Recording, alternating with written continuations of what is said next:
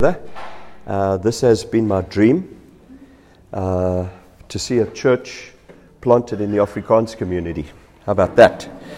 Uh, we've kind of pioneered a bit into Potch area, into um, kind of some of the areas kind of close to Joburg as well. And uh, well, you are an answer to prayer. You really are. I kind of feel like there's a, a big offering that God is expecting from the Afrikaans community. Julle is voortrekkers. And when it comes to the gospel, it's now time to be voortrekkers again. I'm serious. Uh, pioneers amongst Afrikaners. You know, um, I'll give you two examples. I work with a church in Abu Dhabi, 800 strong, in an Arab nation. Uh, the church is comprised mostly of expats. 40% of the church is Afrikaners and making a difference of the gospel.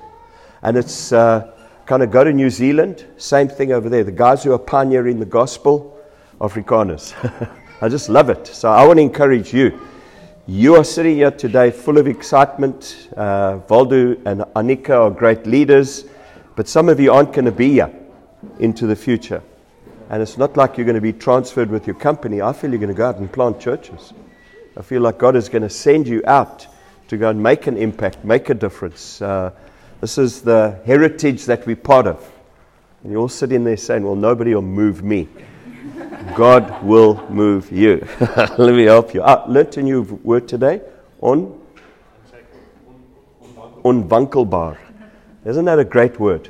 It's just, you know, it just kind of rolls off your mouth. But the meaning of it, I think some of you need to understand God is unshakable. You know, it's, it's phenomenal how the world's systems are being shaken. There is nothing firm we can build our lives on anymore. Even Bitcoin has had a little bit of a shake. And, and they will continue to, its economy, its ecology, its weather, its man, its politics, and whatever, they are being shaken. In accordance to the promise of Scripture, is all things will be shaken. But the only unshakable place is the kingdom of God. And I feel for some of you, you need to hear that. It's the kingdom of God and the values of the kingdom that are unshakable. And that's where we build our lives. I love jo- uh, Joshua. As for me and my house, he says, we are going to serve the Lord. And, and it's, I tell you, that's for me, that's leadership in a home. As for me and my family, we are going to serve the Lord. That is an irrefutable truth we're going to build our lives on, and we are going to be unshakable in that decision. So I want to encourage you with that. Turn in your Bibles with me, please, to Philippians chapter 1. As Valdu has said, we've got a great morning planned. Um, we're doing ordination of two eldership couples, and that is a massive declaration of purpose and intent into the heavenlies. All we're doing is recognizing gifts and anointing on people's lives. But yet, spiritually, we're saying we can grow. Spiritually, we're saying we've got a bigger future. And so I'm excited for you guys. This is kind of a point of maturing uh, for Kreislich. And so it is a point of celebration. Last time I was here, I read the scripture, and that's where I'm going again. so, Philippians chapter 1, verses 1 to 5, we're going to read and then make some sense of it.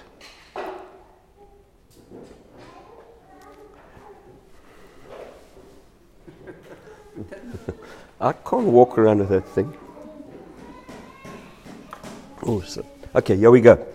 Paul and Timothy, servants of Christ Jesus, to all the saints in Christ Jesus who are at Philippi, with the overseers and deacons, grace to you and peace from our God, from God our Father and the Lord Jesus Christ.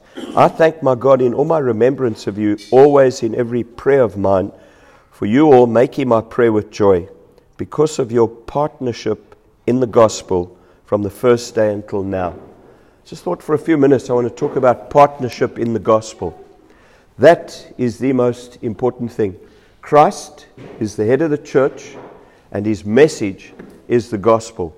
Actually, he is the gospel. Good news. I was once lost, but now I'm found. And even if you had a pretty clean, good living, you know, honest kind of a life, Without Christ, you were lost. Since you've received Christ, you found. And that is the most important message. There is no greater truth that we can build our lives on. And Paul talks about that church and him have a partnership. We have a partnership with Christ, with this gospel.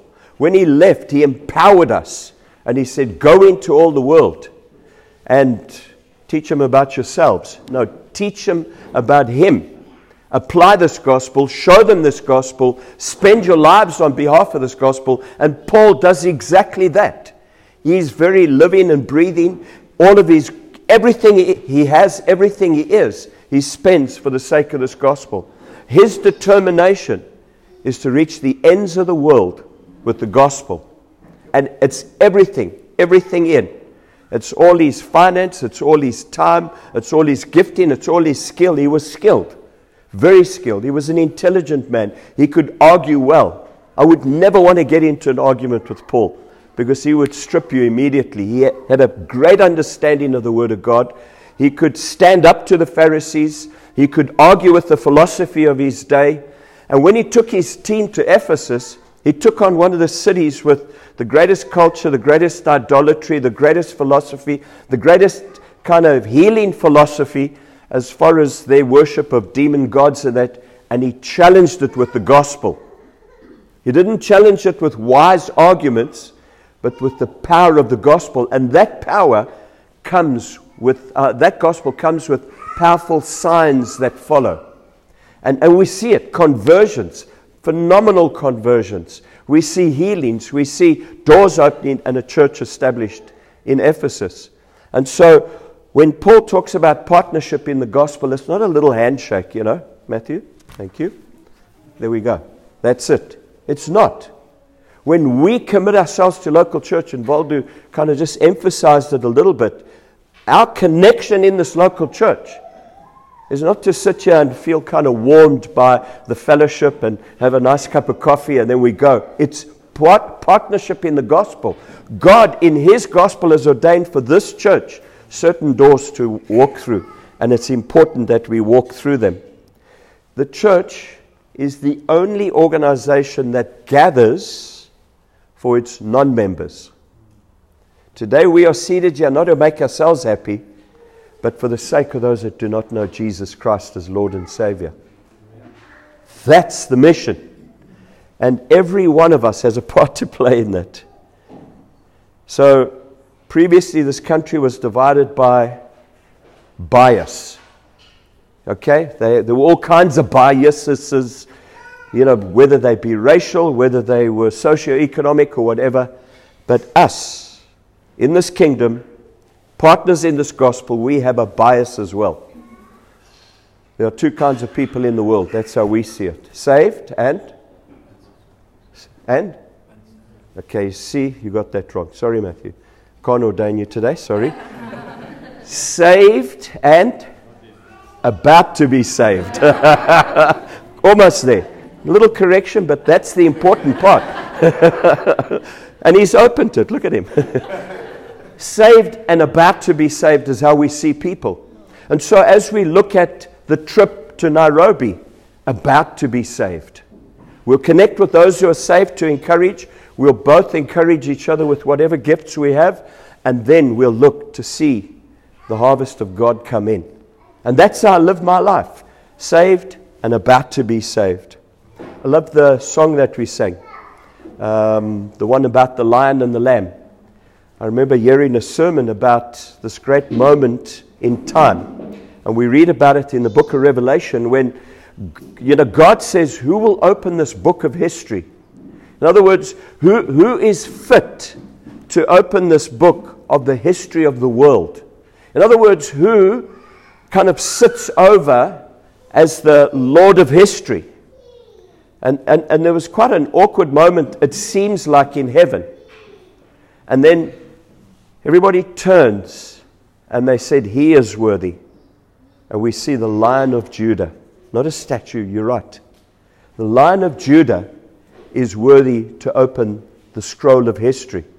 The Lion of Judah, who roars with the power of heaven, is worthy to oversee history and open the books of history. In other words, there's not an event, there's not a circumstance, there's not a thought, there's not anything in this world that is not controlled by and overseen by Jesus Christ. Wouldn't you then want to work with him? This is the gospel. And so in the sermon, I heard it was either you accept the mercy of the Lamb or you have to deal with the wrath of the lion. Because one day will come a great white throne judgment.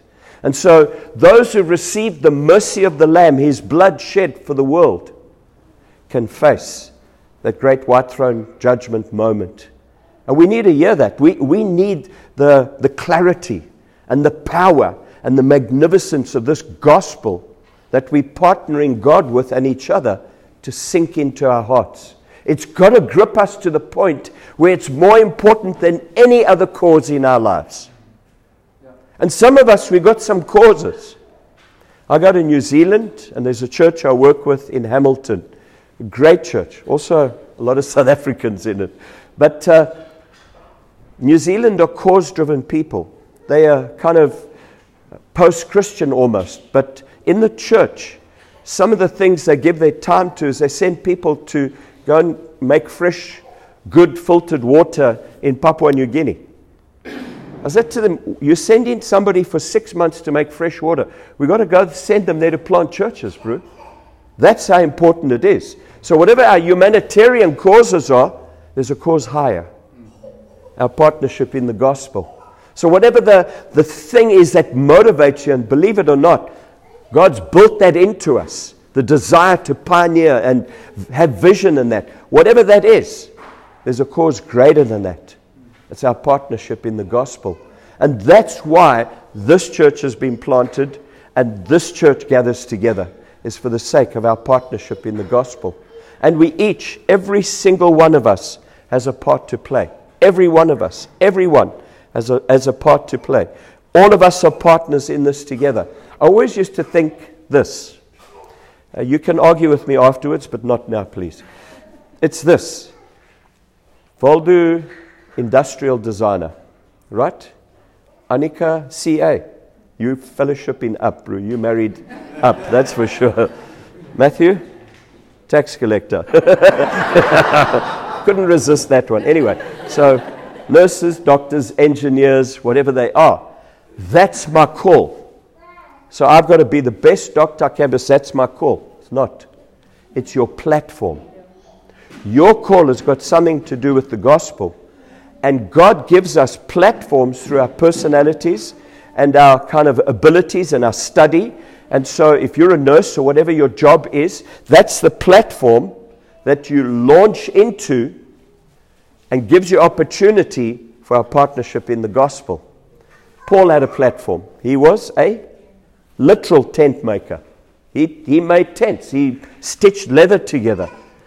But when he got to heaven, it wasn't like God said to him, Well done, good and faithful tent maker. You know, I really like the way you made tents, Brew. I don't think God said that.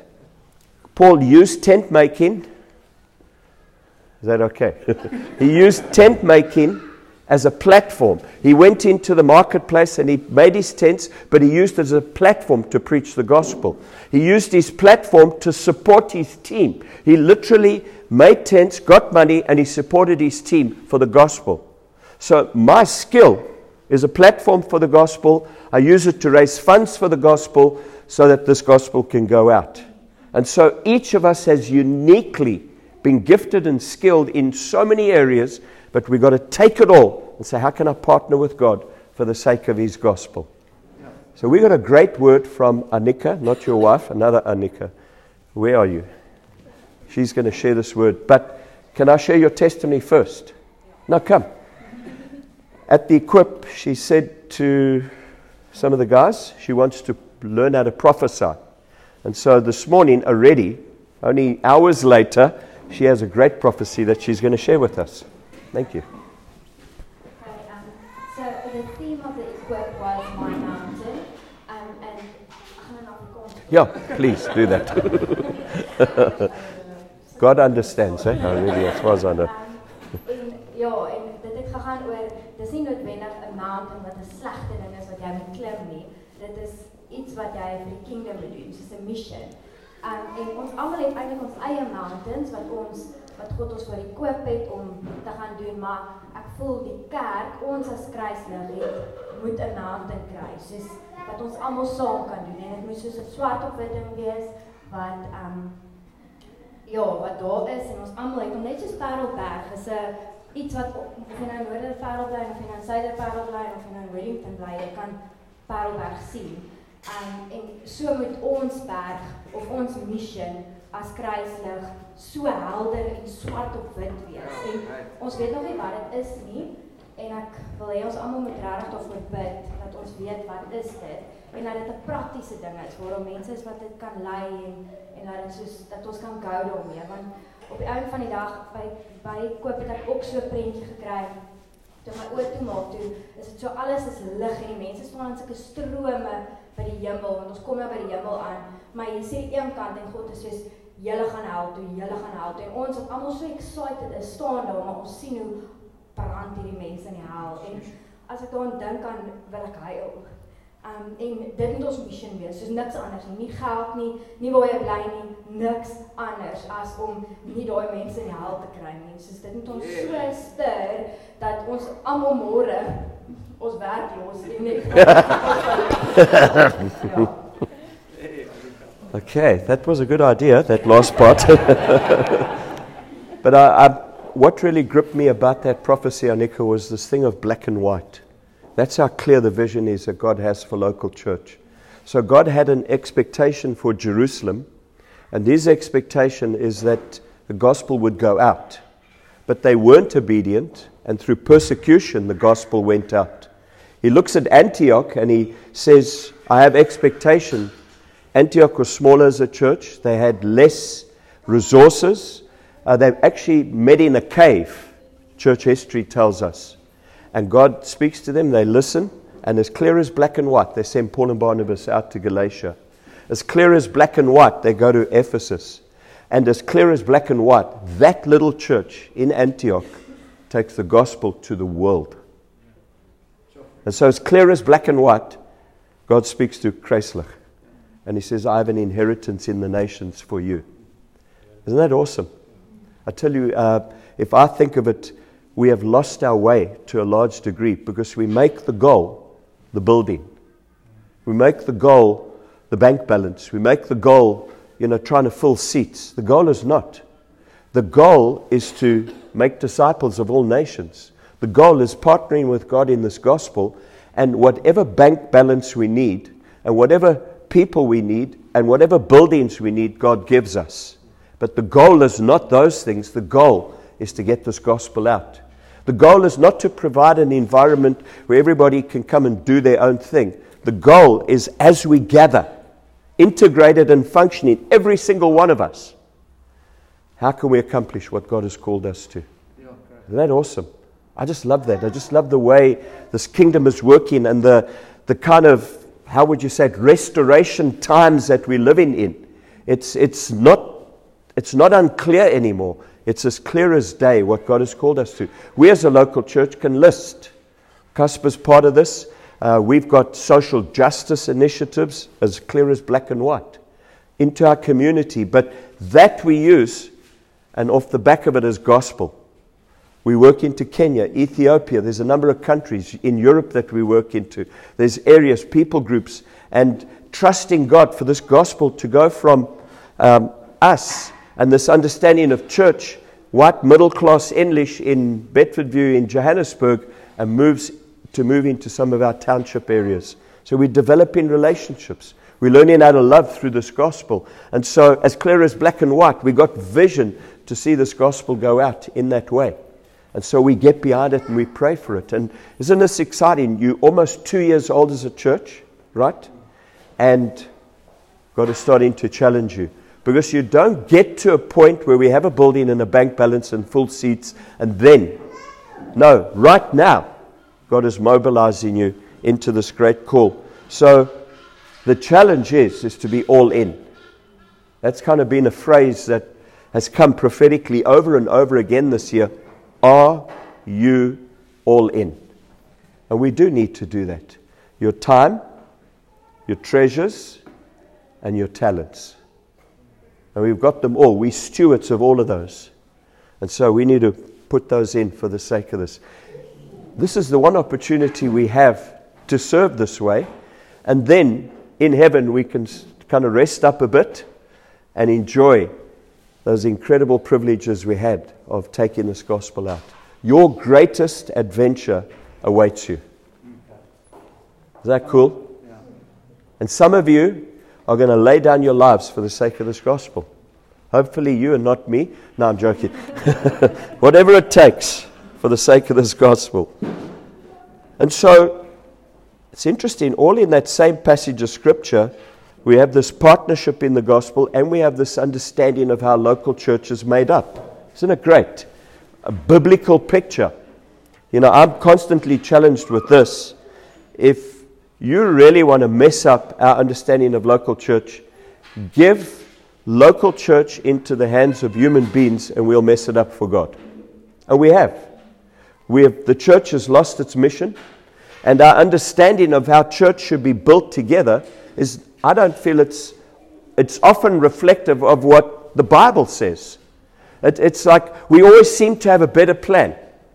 So God says elders and deacons as the leadership roles in the church, and we go and add a whole lot more. We build it hierarchically, we uh, make institutions out of it. We make titles out of it. We, we dress in special clothing. We have special parking lots and privileges and all sorts of things. And we kind of say that's Bible. No, I, t- I tell you, it's clear. Build it God's way, and it has God's anointing on it. And so, this little Uh, you know, snapshot of a local church is there are servants, saints, overseers, and deacons that make up a local church. So the, the saints, that is all of us together. That is the most prized possession and the highest order of life in a local church. It's every single one of us, called the priesthood of all believers. Just have a look around you at some of them. Go and have a look. Look at some of them behind you, on the side of you. I know they aren't all as handsome as you, but they're all as valuable as you. Uh, that's the, the privilege of being part of this. And, and our trust as leaders is for the freedom of the priests, the freedom of, this, of, of the saints of God to fulfill the call of God on their lives. And then to help the church function, he gives elders and deacons. That's the leadership role in a local church. There's no senior elders, there's no founding elders, there's no bishops, there's no cardinals.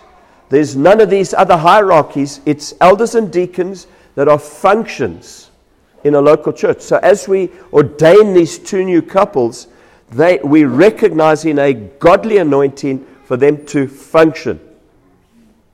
They're not titles and they become, you know, like the hierarchy over here. Yes, they carry tremendous authority.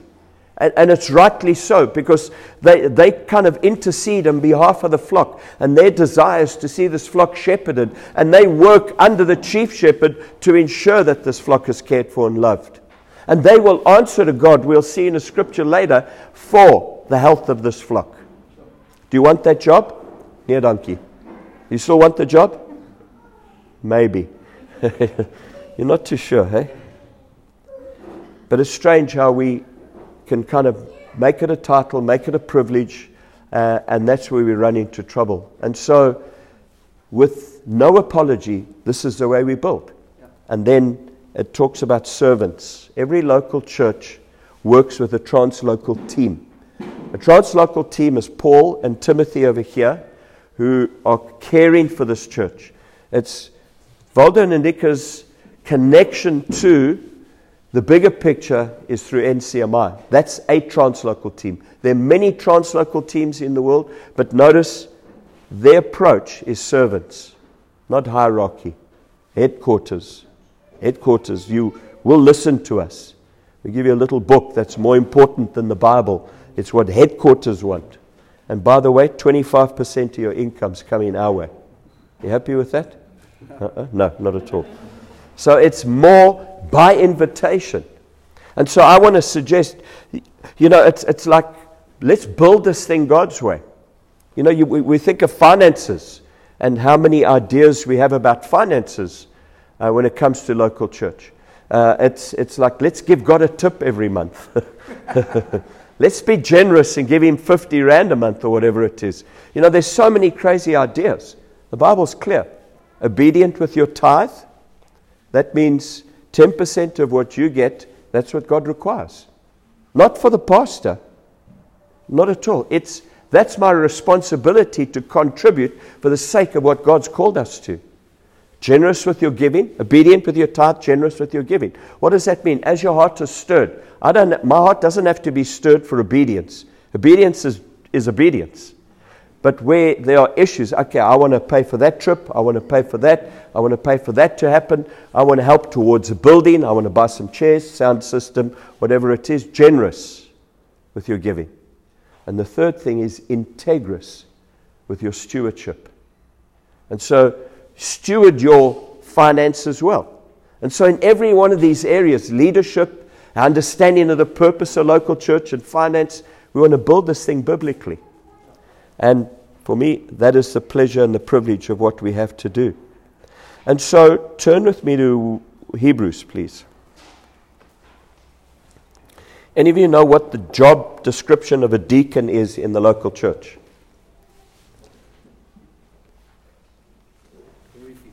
To wear a white tie.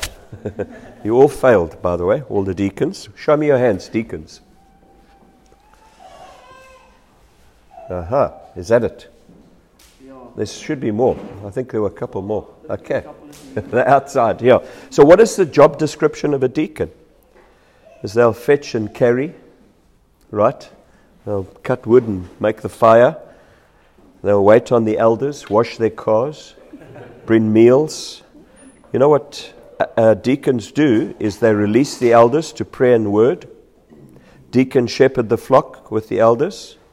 Deacons grow and operate in the expression of their anointing. There were some great examples of deacons in the Bible. Uh, Stephen got the privilege of preaching to a massive crowd of, of religious freaks and then got stoned for it. that was a great privilege. I'm glad he got that one. It was Philip who took the gospel out to Samaria. And there's great examples. So deacons are not just skivvies or, you know, wait on tables. They do, and they want to because that should be our heart.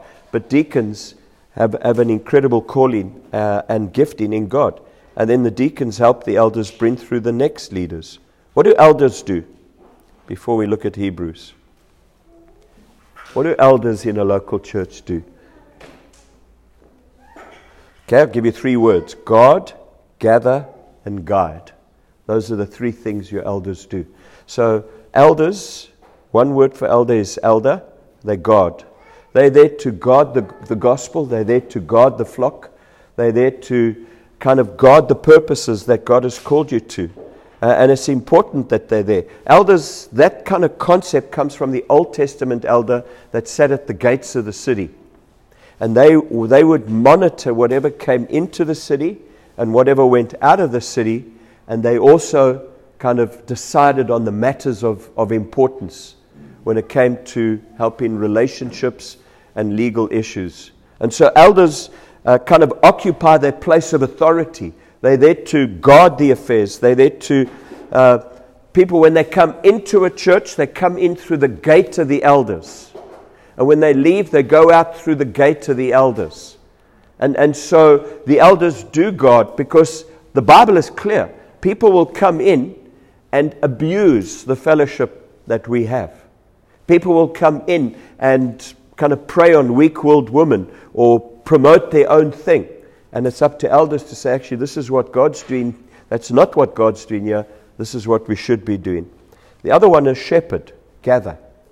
Shepherds gather wonderful function of shepherds. Uh, isn't it great to know there are people in this local church that are shepherding you, that are loving you, caring for you, praying for you? Uh, that kind of makes me feel really secure. You can go to them, they know you by name. That's the key issue of a shepherd. They're not hirelings who, you know, chase the sheep. Sjambok, you know. the dogs barking and chasing. No, they, they love the sheep. They go before the sheep. They set an example for the sheep. It's an, it's an awesome responsibility. And if you're called to do it, God gives you the grace and the capacity. And I know one, especially, you are something of a shepherd, but it seems like he's more of a shepherd than you're a shepherd. You're stronger in other areas, he's strong in this area. That's how God gifts us. You're stronger prophetically as an overseer in, in your function. He's stronger as a shepherd, which is awesome. And we need that. We need people who love people. Actually, all leaders should love people. But in particular, that shepherd touch. It's, it's just, a shepherd has a wonderful way of, of just helping you through those difficult times and keeping you kind of on the right track. But the big thing about this, and it kind of in this area it's highlighted, is they set an example for you. You want to know what your future looks like as a local church? It's sitting here on the front row. These elders, the eldership team, are literally the model of what this church is going to become. Paul in 1 Corinthians 11, verse 1 said, Follow me as I follow Christ.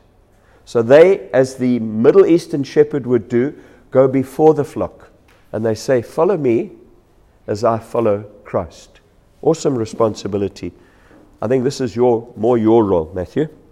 Guide, overseer. It's a word that is used to describe elders as well. Guide means prophetically listen to God and look for the way forward. And so, this is what they're going to be doing. Uh, they're already doing it, and this morning we're going to recognize it. We're going to pray over them for this. So, Hebrews 13, verses 7 and 8. And then we are going to pray over them after I've read this and another passage. Remember your leaders, those who spoke to you the word of God. Consider the outcome of their way of life and imitate their faith. That's quite a statement.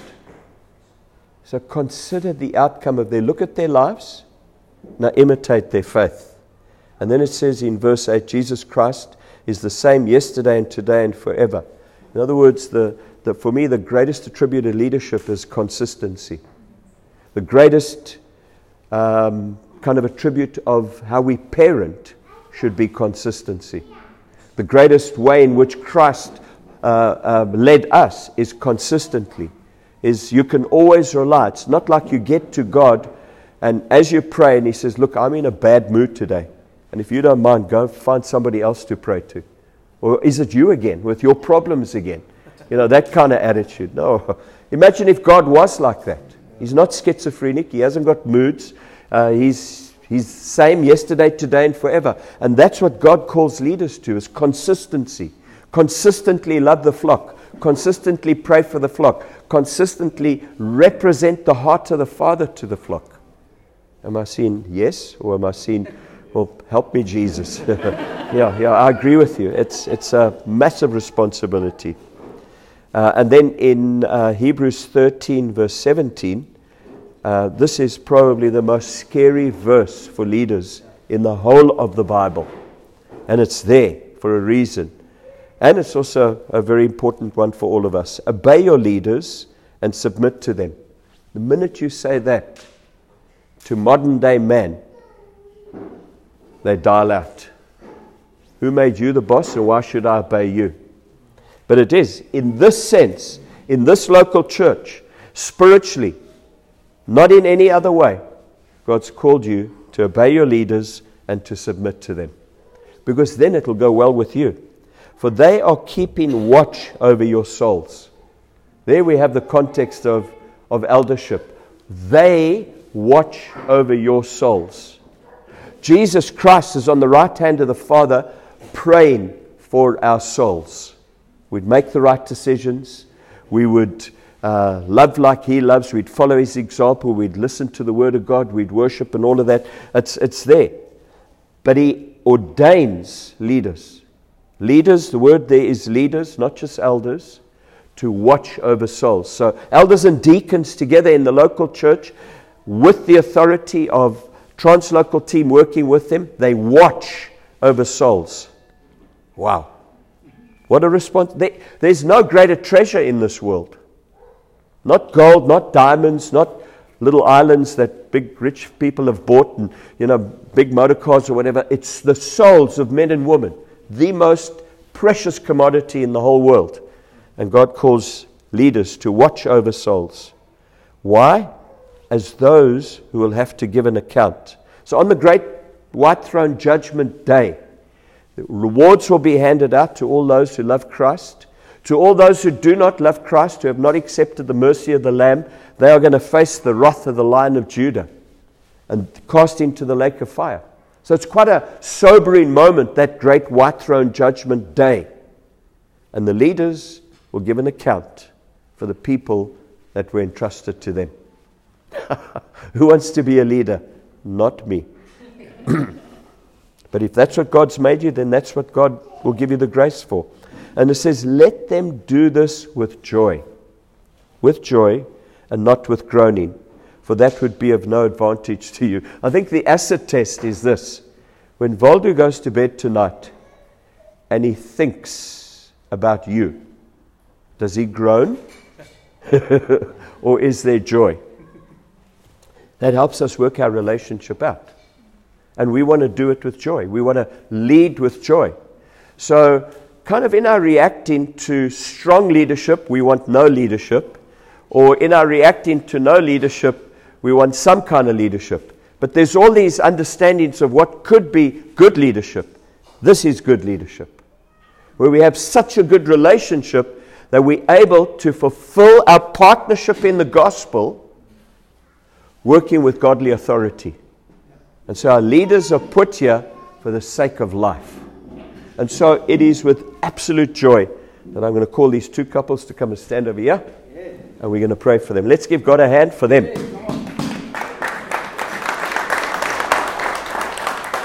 Come stand that side with them, please. Yes, please. Oh, that is so lovely. Mud for mommy. Have you got one for us? Not one for me. Okay. We go. Make another one.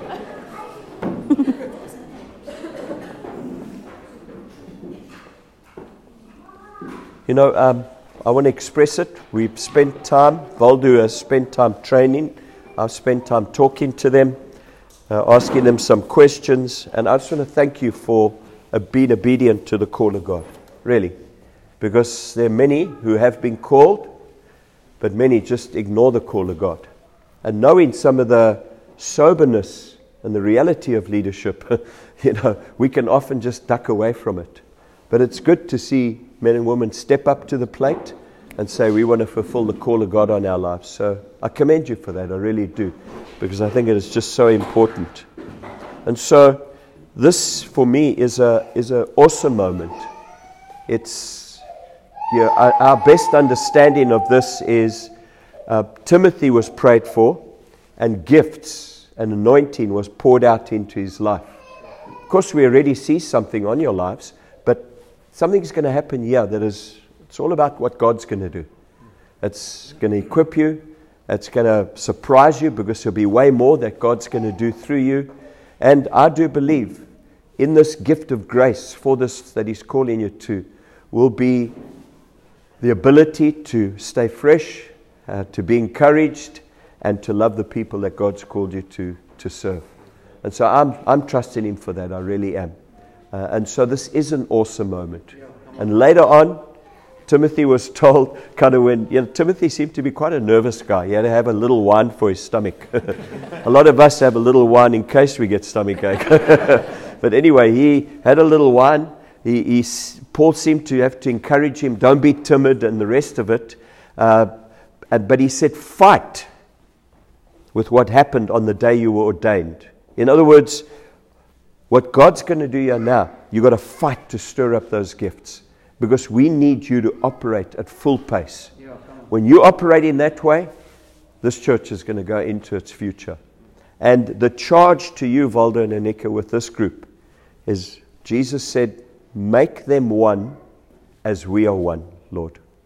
In other words, we strive for unity. Uh, we don't tolerate disunity. Uh, we work together as a team, submitting to the leadership. There is a captain of the team, but we work as a team. We need every gift operating. Uh, and we need to hit that wonderful sweet spot of unity in Psalm 133. Behold, how good it is when we dwell together in unity. There's anointing over there. That's powerful. So, cool. I'm going to ask you some questions. Um, and here we go. Do you believe that you have been called by God to be part of this eldership team that leads and cares for the flock at Kruislig Kerk? We do. it's like a marriage, isn't it? yes. You may kiss your church. that comes later. uh, yes. They want to hear it. Yes. Excuse? Yes. yeah. yeah. you could misunderstand. Anyway, um, will you serve them, care for them, admonish them, correct and rebuke them, and encourage them in the fear of the Lord as the word teaches. Yes. That's sober. Yeah, and it is, eh? Because we're all under God's correction and admonishing and building and all the rest. But you have a responsibility to do that as you preach and counsel and the rest. Okay, are you hearing this? Okay, good. Will you seek to honor the other ministries in town and elsewhere and promote and practice the unity of the Spirit commanded in Ephesians 4? We're not the only church. We're not the only translocal team. And there's a broader body of Christ that we'll never be critics of.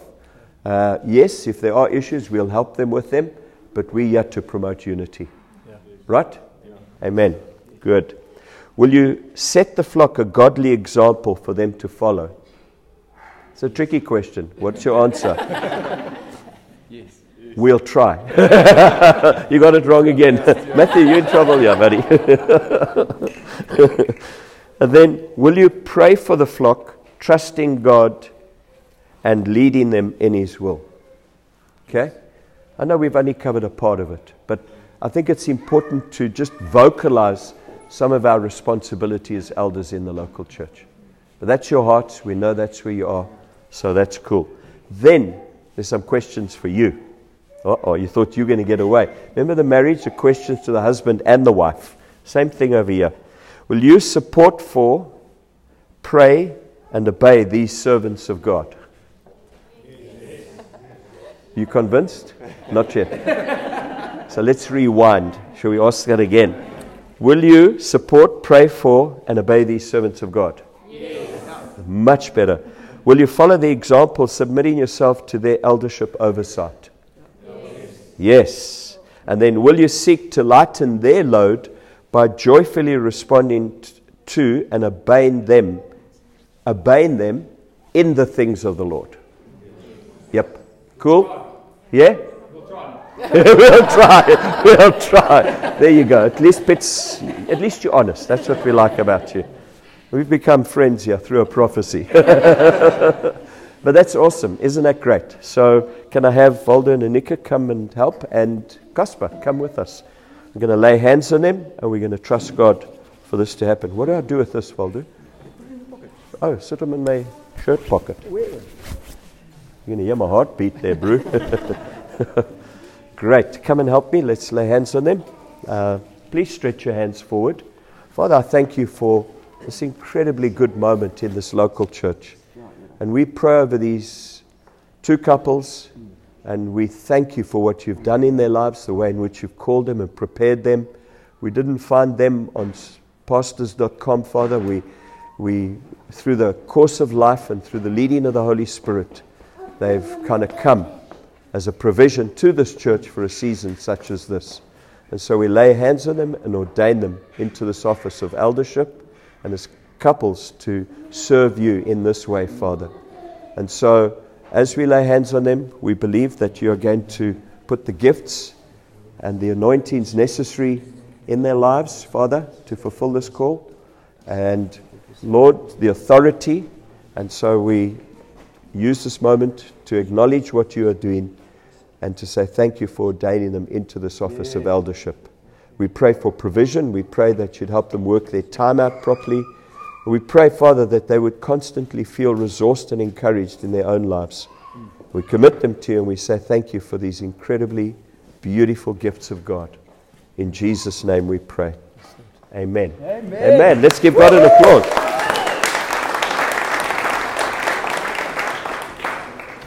Okay, with you guys standing there, before Baldi gives you your birthday presents, um, I, I, kind of want to just vocalize some of the prophecies that I feel uh, are words as I prayed for you.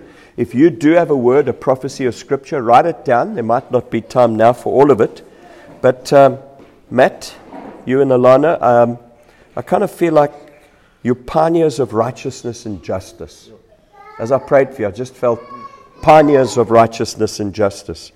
Uh, as a like an archer, I feel God's given you three arrows in your quiver. I feel over time He's going to add to that, but for now, one is music, indisputable. We see it, it's an anointing. Uh, you're so passionate. Uh, I tell you, it's, it's just awesome. Uh, I feel second arrow, prophetic preaching.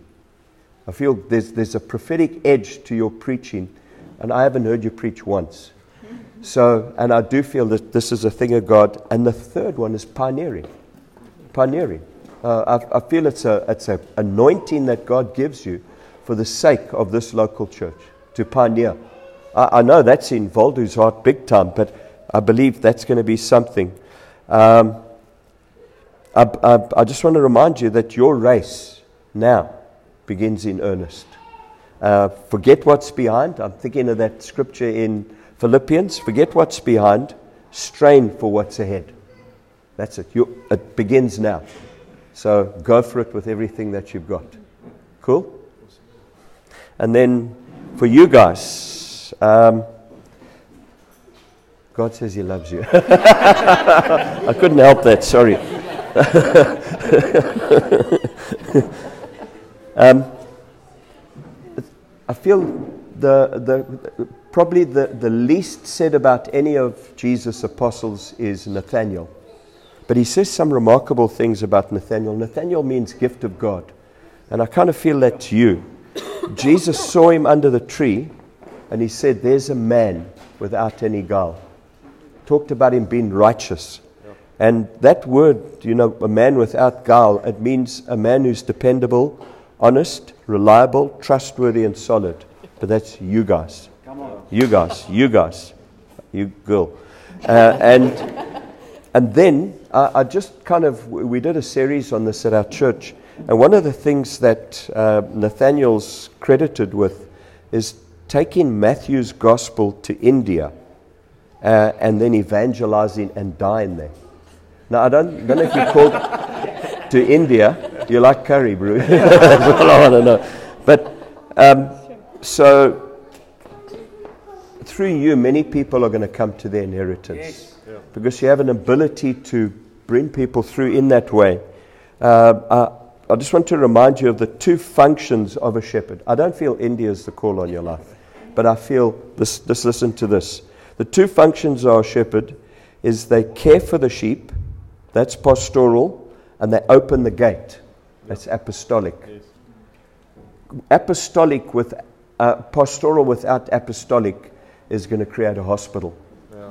But pastoral with apostolic is going to create an army of God. Yes. And I feel that's how people yeah. are going to get their inheritance through sure. you. Uh, because God finds you faithful with people. Mm-hmm. And I just want to encourage you with that yeah. as a couple. Kruislig Kerk. Yes. You're called to be a base. I just want to prophesy that over you guys. Uh, I, I, feel, and, and I know this is going to seem like it's too big, and it seems like it's too impossible. But I feel you've picked up a mantle in this region that has been dead for a long time. I really do. And I feel it's this thing of apostolic Christianity. Uh, we know that one of the, the results of the Cape Revival was the apostolic pioneering that took place all the way to southern Sudan yeah. as they took the gospel up. And when that revival stopped, that apostolic heart stopped. And I believe you're picking up that mantle, which I feel is awesome. And I feel God's called you to be a healing community. People are going to come in here and find their futures uh, and be healed uh, and be restored again. And then for you two guys, Moenie only Marcus. um, older God says He loves you. um, I, I feel that big gifts are going to pass through your hands people, finances, teaching, and resources. Uh, I feel there's that kind of stewardship responsibility. God is making you a steward of much, but I feel the encouragement for you guys keep your hands open. And, and like with us, we have cried tears at times, thinking Waldo and Anika should stay at Cornerstone because we'll be stronger. No, Waldo and Anika are going to be stronger and better when they go out and plant, if that's what God has called them to. And so I'm encouraging you with that. And then I saw um, kind of you as a, I, I don't know, overseeing a, a squadron of snipers, and you sent them out to the hills here. And on every key and strategic point, there was a sniper. Uh, I feel that's the kind of gospel accuracy that God's going to give you strategy in this region. You already mentioned uh, Robertson to me, and I feel God's going to give you that ability to set up snipers and to see this gospel go out with power. And then your children will become pillars in this community. I just felt God drop that in my heart for you. Bless you guys, eh? Appreciate you.